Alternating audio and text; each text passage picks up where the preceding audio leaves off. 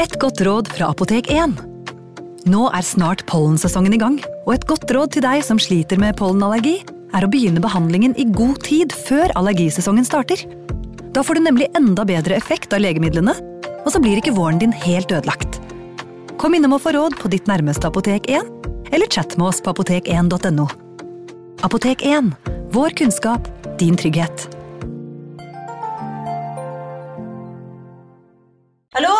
Jeg kommer fra Oslo politikammer. Ine Jansen er purk. Er du purk? The motherfucking bitch. Alt jeg vil, er å finne ut hva som skjedde med mannen min. Jon Carew. Er jeg sikta for noe? Iben Akeli. Det er du. Ole So, Lars Berrum og Big Daddy Karsten. Hvem sin side er du på, egentlig? Anette Hoff, Tone Danielsen, Kommer du fra Afrika?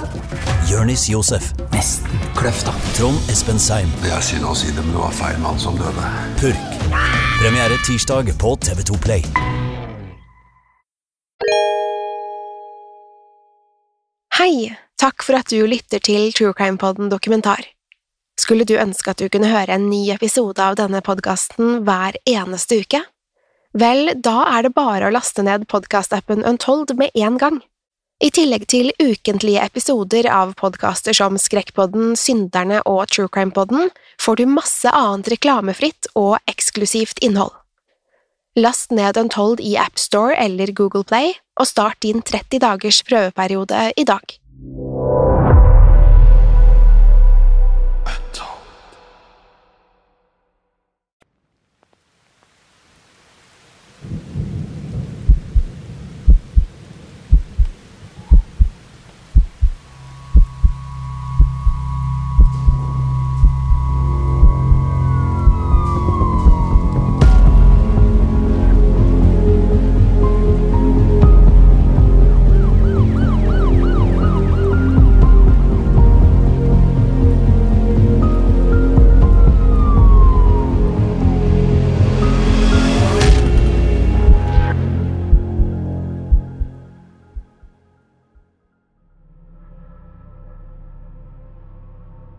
Snøen lå dyp over Uralfjellene og gjorde det vanskelig for Boris Sloptsov og letemannskapene å komme fram.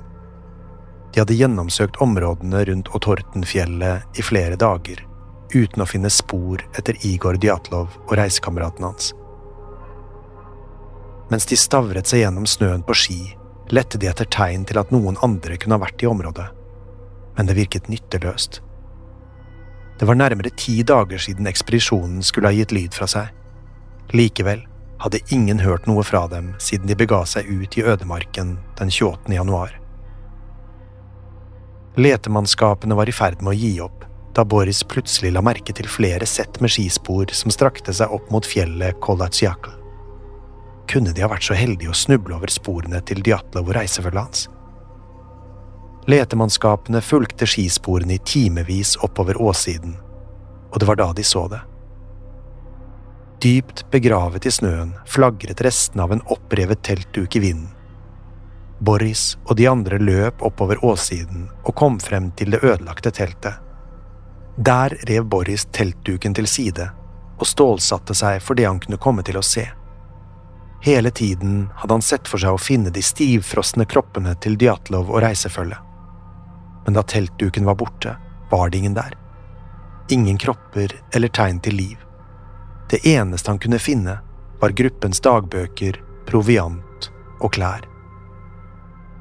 Så vidt Boris kunne forstå, hadde gruppen forlatt teltet uten jakkene sine. Det var da han oppdaget noe enda mer urovekkende. I teltåpningen lå så godt som alle gruppens støvler. Hvor enn de var, hadde de vandret ut i den bitende vinterkulden uten å være skikkelig kledd. Lenger nede langs åssiden ble det snart oppdaget fotspor fra bare menneskeføtter. Det kunne se ut som ekspedisjonen hadde flyktet i all hast, men hvor var de blitt av? Hva hadde skjedd med Igor Djatlov og følget hans, og hvorfor hadde de slik hastverk med å komme seg unna? Det skulle bare bli de første av en rekke spørsmål som ville dukke opp i etterforskningen av Russlands største mysterium – hendelsen ved Djatlov-passet. Igor Djatlov hadde alltid vært en smart og ressurssterk gutt. Allerede som barn hadde foreldrene sett ham konstruere kompliserte elektroniske enheter. Han bygget radiosendere og varmeovner, og viste dem stolt frem til faren sin. Det var ikke noen tvil om at Djatlov kom til å bli en dyktig ingeniør en gang i fremtiden. Da han var 15 år gammel, dukket også interessen for friluftsliv opp. Storebroren Vjatseslav introduserte ham for turer i skog og mark, og snart var de på fot og skiturer sammen nærmest ukentlig. Dette tente noe i Djatlov, og det tok ikke lang tid før han også la ut på sine egne ekspedisjoner. Djatlov skulle snart vise seg som en ung mann med lederegenskaper og god retningssans. Allerede før han var fylt 20 år, hadde han ledet flere ekspedisjoner gjennom villmarken, alle med stor suksess. Jo mer utfordrende en tur var, desto mer tente det lysten for å gjennomføre turen i Djatlov. Som ung voksen kom Djatlov inn på Ural Politekniske Universitetet i Sverdlovsk oblast. Her studerte han ingeniørkunst, akkurat slik foreldrene hadde forventet. Universitetet var perfekt for Djatlov. Ikke bare ble han skjenket kunnskap av noen av Russlands dyktigste ingeniører. Universitetet lå også i nærheten av Uralfjellene, som strakte seg fra nord til sør gjennom Vest-Russland. Fjellene var fulle av bortgjemte og uoppdagede traseer og utfordrende villmark. Dermed hadde han fri tilgang på nye ruter han kunne utforske. Djatlov hadde lenge hatt lyst til å reise gjennom fjellene. Han hadde til og med en helt spesiell rute han allerede hadde planlagt. Den skulle gå til Lotortenfjellet, langs nord i Sverdlovsk. Sommeren 1958 hadde han alt klart. Han ville lede den aller første vinterekspedisjonen i området. Turen var slett ingen spøk, og var regnet som ekstremt krevende, spesielt om vinteren. Den dype snøen, sterke vinden og bitende kulden var nok til å få selv de mest erfarne turgåere til å vike. Likevel skremte ikke det Djatlov. Han elsket en utfordring. Turen til Otortenfjellet skulle bli hans største eventyr. Djatlov fortalte om planene sine til et par venner, og mange syntes det hørtes ut som en spennende tur. Flere bestemte seg for å slenge seg på, og snart skulle Djatlov lede totalt ni mennesker gjennom den krevende turen. Av de ni var tre av dem Djatlovs nære venner.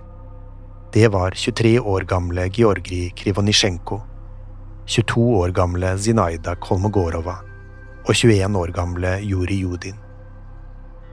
I tillegg ble andre studenter ved universitetet med etter å ha hørt om Djatlovs planer. De resterende medlemmene av gruppen var Jori Dorosjenko, Lloydmila Dubinina, Aleksandr Kolevatov, Rustem Zlobodin, Nikolai Vladimirovitsj og Zemjon Solotarjov. Gruppen som snart skulle få navnet Djatlov-ekspedisjonen, fikk hjelp av sportsforeningen ved universitetet til å finansiere turen. Dette skulle bli studentenes svar på en vinterferie, samtidig som de ville gjøre noen undersøkelser for universitetet i fjellene. De sendte inn reiseruten for godkjenning og presiserte at samtlige medlemmer av gruppen var i god fysisk form og hadde flere års erfaring med krevende turer. Den 8. januar 1959 ble ruten godkjent av fylkeskommunen. Endelig var alt klart for å sette ut på reisen. Før de reiste, ble Djatlov bedt om å levere reiseruten til sportsforeningen, samt et utvalg som holdt styr på alle ekspedisjoner i området. Av en eller annen grunn ble det aldri gjort. Det var heller ingen som etterspurte ruten, og dermed ble det glemt. Gruppen var spente på å komme seg av gårde, og planla å reise i slutten av januar. Da ville nemlig forholdene i fjellene være på sitt mest utfordrende. De neste ukene brukte gruppen på å bli bedre kjent skrive pakkelister og forberede seg på turen. Innen slutten av januar var de en sammenspleiset gjeng som følte de kunne klare hva som helst sammen. Dette skulle bli et eventyr de kunne fortelle om resten av livet. Tidlig om morgenen den 23. januar møttes Djatlov-ekspedisjonen for å gå gjennom pakkelistene alle skulle bære digre, tunge tursjekker med alt de trengte av mat, klær, skiutstyr, telt og teknologi. Da alt var dobbeltsjekket og pakket sammen, satte gruppen av sted til togstasjonen. Sekkene deres var så tunge at de nesten kom for sent til toget. I siste liten hoppet de på. Dørene ble lukket, og toget satte seg i bevegelse. Nå var de endelig på vei nordover og til sitt største eventyr. På veien var det god stemning. Gruppen sang sanger og fortalte morsomme historier. Det var ingen tvil om at spenningen var stor idet de raste gjennom byene mot de nordligste delene av Sverdlovsk. Det tok et par dager å nå den lille byen Ivdel. Den 25. januar ankom de byen og reiste direkte til den lille bygden Visay like i utkanten av Sibir. Selv om Visay var en landsby bygget av sovjetiske fanger, hadde den alt det gruppen trengte før den store turen. Det var senger for natten, varm mat og til og med en kino. Flere fra gruppen tilbrakte kvelden på kinoen før de reiste hjem for å klargjøre utstyret for neste dag. Tidlig neste morgen møtte Djatlov en lokal kjentmann for å vise frem reiseruten. Kjentmannen kikket på kartet og ble straks stram i masken.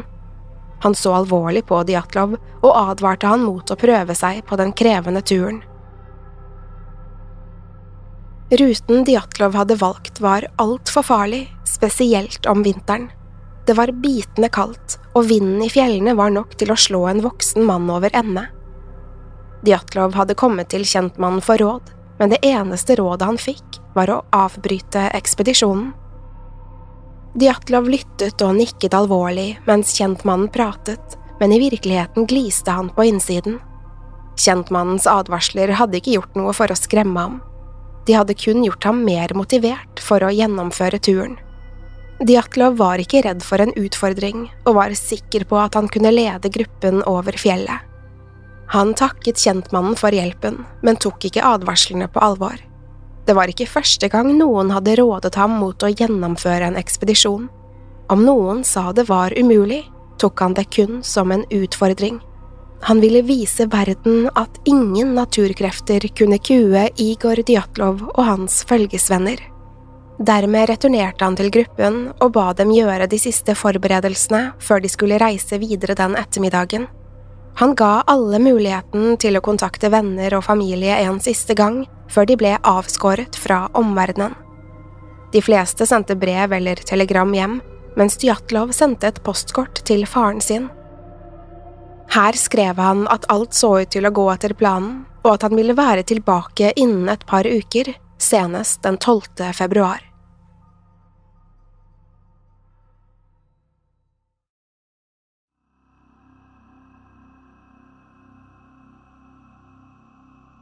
Med det var gruppen på vei.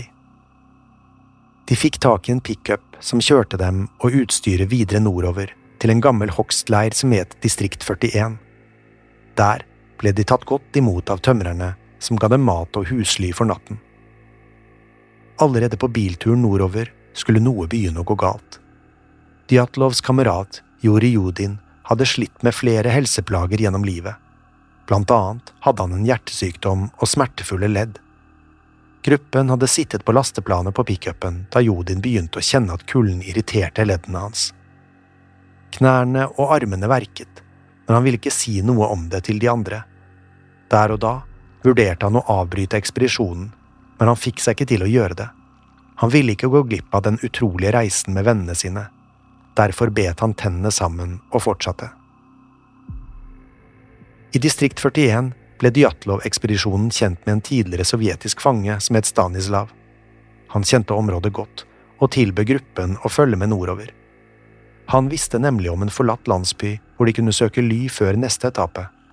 I tillegg hadde Stanislav en hest og en slede som kunne bære gruppens utstyr.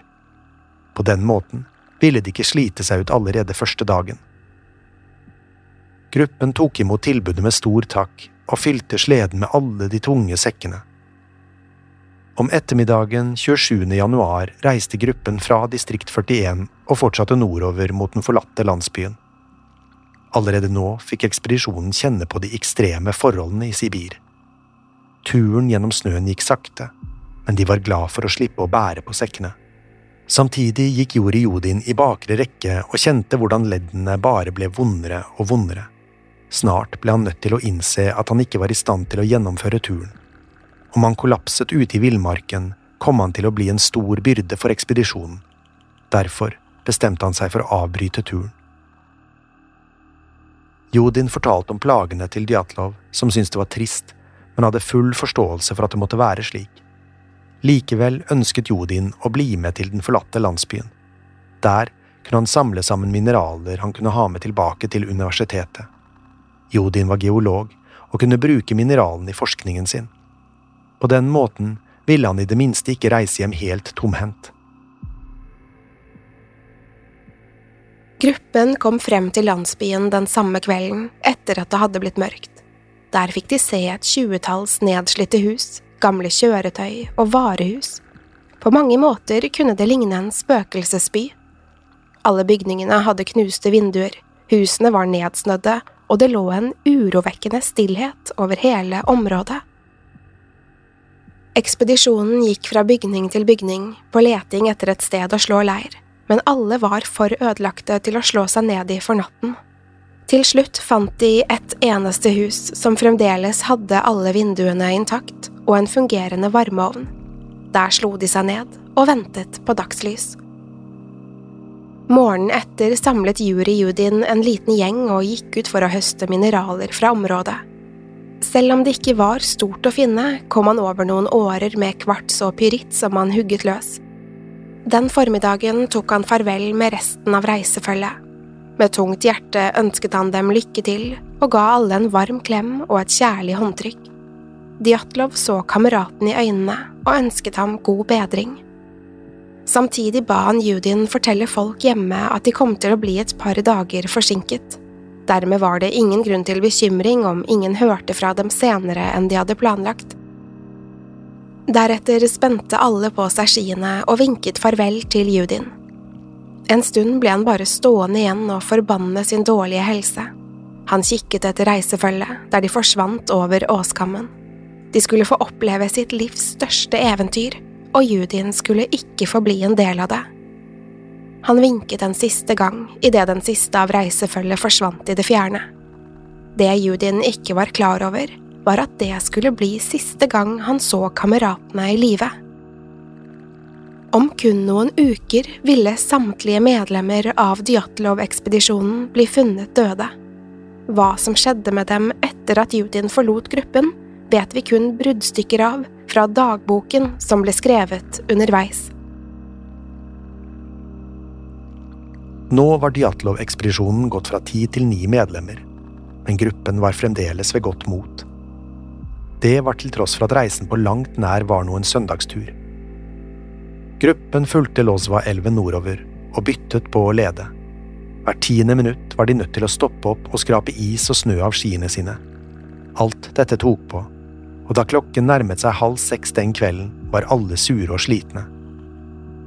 Djatlov forsto at det var på tide å gi seg for dagen, om de i det hele tatt skulle orke neste dag. Dermed bestemte han at de skulle slå leir ved elven og forberede middagen.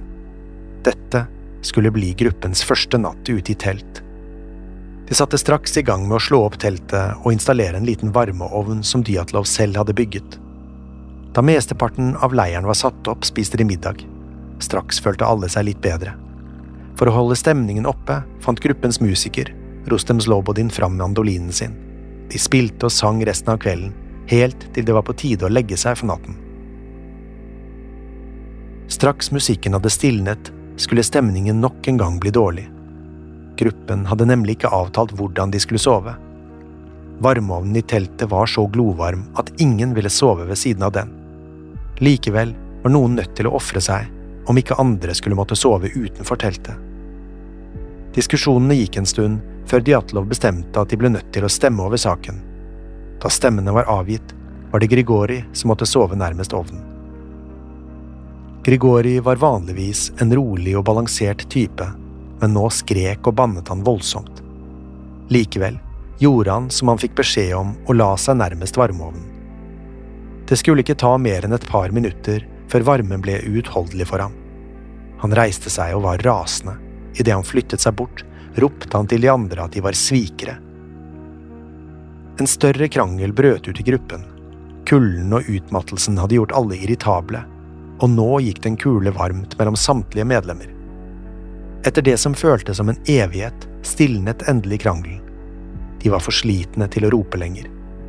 I tillegg innså de at de var nødt til å få seg litt søvn om de skulle holde ut morgendagen. Dermed sovnet de alle etter hvert. Morgenen etter, den 29. januar, var alt litt bedre. De fleste hadde fått seg en god natts søvn og var klare for en ny dag. Vinden så ut til å ha stilnet litt, og det var ikke like bitende kaldt. Så snart de hadde spist frokost og pakket ned leirplassen, var de av gårde. Ekspedisjonen fortsatte nordover langs Losvaelven, helt til et punkt der elven møtte en annen elv som het Auspia. Derfra fulgte de den i stedet. Ifølge dagboken som gruppen skrev, var det en del is på Auspia-elven som gjorde ferden lettere.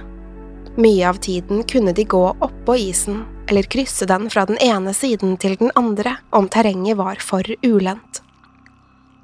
Den kvelden slo de opp teltet langs elven, og alt virket til å gå fint. De var ved godt mot og så frem til neste dag.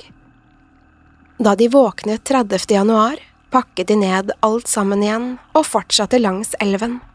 Det var da Diatlov fikk øye på noe som sendte ekspedisjonen på en annen rute enn den de hadde planlagt. På flere av trærne rundt elven var det utskjæringer gjort av jegere fra mansifolket, urbefolkningen som holdt til i Uralfjellene. Mansiene var kjent for å være gode stifinnere som jaktet byttene sine i de snødekte fjellene. I nærheten av utskjæringene kunne gruppen se sledespor og spor etter mansienes reinsdyr. Dermed foreslo Djatlov at gruppen skulle følge Mansi-sporene istedenfor den planlagte ruten. Djatlovs teori var at en mannsjeger sannsynligvis kjente til bedre, raskere og tryggere veier gjennom fjellene. Gruppen diskuterte det et øyeblikk før de sa seg enige med Djatlov. Dermed gikk de bort fra ruten og fulgte Mansi-sporene videre. Den samme ettermiddagen begynte værguden å vende seg mot Jatlov-ekspedisjonen. Vinden ble sterkere, og snøen lavet ned i store mengder. Noen steder nådde snøen dem helt til brystet, slik at de var nødt til å finne alternative ruter. Det gjorde det heller ikke noe lettere at isen på elven ble tynnere. Nå kunne de ikke lenger krysse om det var nødvendig, og måtte kjempe seg gjennom dyp snø. Gruppen forsøkte å holde motet oppe ved å prøve å tolke mansiutskjæringene på trestammene, men det var ikke nok til å distrahere dem lenge. Da kvelden falt på, sank temperaturen til forferdelige 26 minusgrader. Den sterke vinden fikk alt til å føles enda kaldere. Samtidig merket de at de beveget seg stadig høyere opp i fjellene. Trærne ble lavere ettersom de nærmet seg tregrensen, og luften ble tynnere. Til slutt måtte de innse at de ikke kom til å komme noe lenger den dagen. Gruppen fant et passende sted å slå leir, og satte opp teltet og tente et bål. Mens de ventet på at flammene skulle varme kroppene deres, spiste de litt og fortalte historier. Det var tydelig at Diatlov hadde fått med seg en oppegående gjeng på ekspedisjonen. Til tross for deres unge alder diskuterte de komplekse temaer og lyttet til hverandres argumenter. Likevel var det ikke til å komme unna at de fleste ikke var fylt 24 år engang. Mange av samtalene deres handlet om kjærlighet, og flere utvekslet lure og lengtende blikk. Djatlov selv så ut til å ha et spesielt godt øye til en av kvinnene i gruppen, hans venn fra universitetet, Sinaida. Han hadde vært ekstra hyggelig med henne hele turen, og de tilbrakte mye tid sammen. Zinaida på sin side så ikke ut til å legge merke til Djatlovs oppmerksomhet. Hun hadde nemlig nylig gjort det slutt med kjæresten sin, Juri Dorosjenko, som også var en del av reisefølget. For alle som var med, var det åpenbart at det var litt spenning mellom dem fremdeles. Etter å ha fått igjen varmen og spist seg ferdig, la de seg for natten. De håpet at alt ville bli litt bedre dagen etter. Hittil hadde det vært ganske som forventet, men forholdene hadde gjort turen svært utfordrende. Selv Djatlov som aldri takket nei til en krevende ekspedisjon, forsto at de sårt trengte en opptur. Da gruppen våknet opp neste dag, ble alt bare verre. Vinden var blitt enda kraftigere, og kulden var ekstrem. Det hadde vært godt og varmt inne i teltet, men utenfor var det bitende kaldt. I tillegg var snøen blitt dypere, og Mansi-sporene de fulgte, hadde forsvunnet. Snøen gjorde det nærmest umulig å komme seg noe sted, og gruppen beveget seg saktere enn noen gang. Djatlov-ekspedisjonen forsøkte nye metoder for å brøyte vei gjennom snøen, men det virket nytteløst. Selv om de hadde startet tidlig den morgenen, var de ikke kommet langt da solen var på vei ned bak fjellene. De var alle utslitt da de stoppet for å slå opp teltet i firetiden den ettermiddagen. Det lille de kunne finne av tennved, var så kaldt og fuktig at de ikke fikk i gang noe bål. Dermed ble de nødt til å klemme seg sammen inne i teltet under middagen. Det var mens de satt der inne at Igor Djatlov skulle skrive det aller siste notatet i gruppens dagbok. De var hundrevis av kilometer fra sivilisasjonen, og turen var i ferd med å ta på for alle sammen. Hva som skjedde etter den 31. januar, har kun vært spekulasjoner og teorier. Ut fra undersøkelsene som ble gjort i etterkant, reiste gruppen sent fra leirplassen neste morgen. De kom ikke langt, før de ble nødt til å sette opp teltet på nytt, denne gangen ved foten av fjellet Kolatsiakl. På mansi-språket betydde navnet Det døde fjellet. Det var likevel det siste noen kunne si med relativ sikkerhet at skjedde, for da uken hadde gått, og ekspedisjonen ikke kom tilbake, begynte folk å bli bekymrede. Ingen hadde hørt fra Djatlov eller noen av reisekameratene hans. Noe måtte ha gått fryktelig galt.